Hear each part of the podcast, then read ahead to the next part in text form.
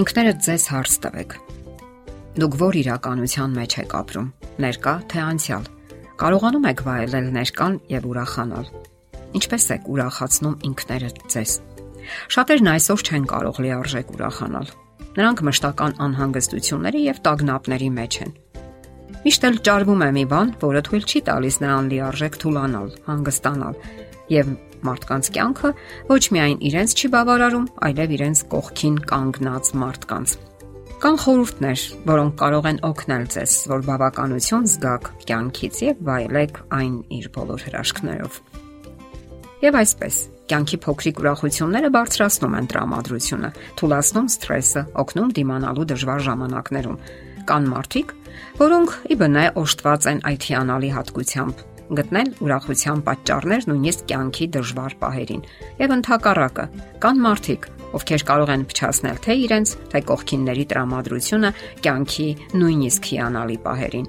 Անկասկած է, որ բավականությունները համոհոտ են տալիս մեր կյանքին, սակայն կարող են արդյոք դրանք երջանկություն ապարգևել մեզ։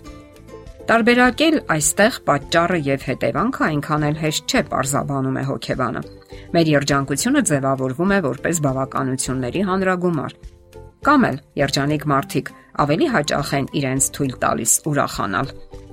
Հասկանալի է, որ կյանքն ունի իր դժվար ու բարդ պահերը, եւ այնքան էլ հեշտ չէ տեսնել այն միայն վարթագույն լույսի ներքո։ Պարզապես բողոքներն ու քննադատությունը, եթե նույնիսկ դրանք լիովին հիմնավորված են, երբեք էլ հագեցած եւ հարուստ հետաքրքիր չեն դարձնում մեր կյանքը։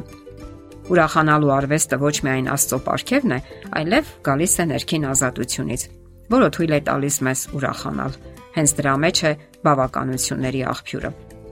Մեկ այլ հարց է, թե ինչպես ձեռք բերել այդ ներքին ազատությունը։ Շատերը դա որոնում են Աստծո հետ փոխհարաբերություններում եւ անկեղծորեն գոհ ու բավարարված են իրենց կյանքից։ Նրանք նույնիսկ մահն են կարողանում հանգիստ ու խաղաղ դիմավորել։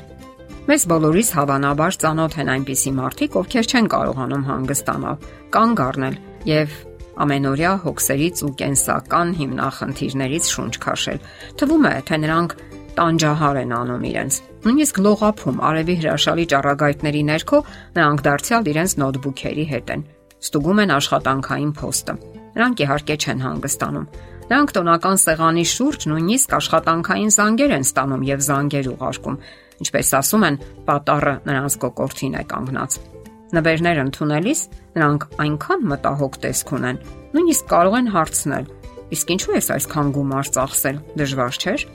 Թվում է, թե այդ մարդիկ աշխարի բեռն են շալակել։ Բավականություններ ստանալ մանրուքներից իմաստության նշան է, գրում է մեկ այլ հոգեբան։ Իսկ մանրուքները, որ այնքան շատ են, իրականում կազմում են մեր ողջ կյանքը եւ կենսական փորձառությունները։ Նույնիսկ տագ լոգանքը անուշահոտություններով լի լոգասենյակում կամ մեկ գավաթ բուրավետ թեյը կարող են իսկապես բավականություն պատճառել այն մարդուն, որը սիրում է կյանքը եւ մտահոգված չէ վաղվա օրով, որը դեռ նույնիսկ չի էլ սկսվել։ Աստվածաշունչը, որտեղ աստվածային իմաստություններ կան անբարված, այսպիսի խորհուրդ է տալիս. ուրեմն Վաղվա համար հոգս մի արեք, որովհետև վաղվա օրը կհոգա իր համար, օրվա համար բավական է իր նեղությունը։ Նկատենք, որ սա ոչ թե անհոգություն է, այլ պարզապես ապագային խաղաղ նայելու կոչ։ Շատ մարդիկ ապրում են անցյալում։ Նրանց համար վաղուց գոյություն չունի ներկան։ Նրանց անցյալը ճնշում է իրենց։ Մեղավորություն են զգում, զղջում սխալների համար։ Զղջալն անկասկած լավ է, Սակայն կարելի է ներողություն խնդրել, դասեր քաղել, չկրկնել դրանք եւ ուրախ առաջ շարժվել։ Ասում են, որ միակ անմիտը նա է, ով դասեր չի քաղել իր սխալներից։ Հասկանալի է, որ շատ մարդիկ մանկուց ունեցել են հիմնախնդիրներ։ Նրանց ծնողները իրենք էլ չեն ուրախացել եւ հնարավորություն չեն տվել իրենց զավակներին ճանաչելու իսկական ուրախությունը սակայն բավական է գիտակցել դա եւ փորձել ուրախություն գտնել ապրելու մեջ։ Դա նաև կամային որոշում է։ Նաև երբեք մի համեմատվեք ուրիշների հետ։ Հիշեք, որ դուք եզակի եք։ Ահա ուրախության իրական առիթը։ Դուք եզակի եք։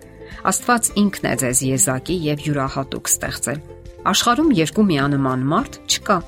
Հիշեք, ինչպես էիք ուրախանում դուք մանուկ ժամանակ, ինչպես էիք ուրախություն գտնում նույնիսկ ջարդված ճոճանակ նստելիս, ինչպես էիք ֆիլմեր դիտում, որոնք հիշում եք մինչև հիմա։ Իսկ ինչպես էիք բռնում ձեր մոր зерքը եւ քայլում վստահ ու երջանիկ։ Արդյոք հիմա շատ բան է փոխվել այն օրվանից։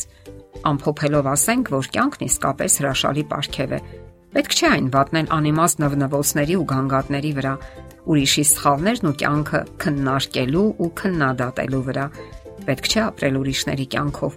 Դուք ունեք ձերը եւ այն եզակի է ու անկրկնելի։ Փորձեք վայելել այն, ճանաչեք Աստծուն, շփվեք նրա հետ շփվեք լավ ու դրական մարդկանց հետ։ Նաև դուք եղեք դրական ու լավ մարդ։ Ինքներդ ուրախություն պատճառեք ուրիշներին եւ կտեսնեք, թե ինչ բավականություն եւ ուրախություն եք ստանում դրանից։ Արդյոք դա հենց այն չէ, ինչ պետք է յուրաքանչյուր մարդու։ Եթերում առողջ ապրելակերպ հաղորդաշարներ։ Հարցերի եւ առաջարկությունների համար զանգահարել 033 87 87 87 հեռախոսահամարով։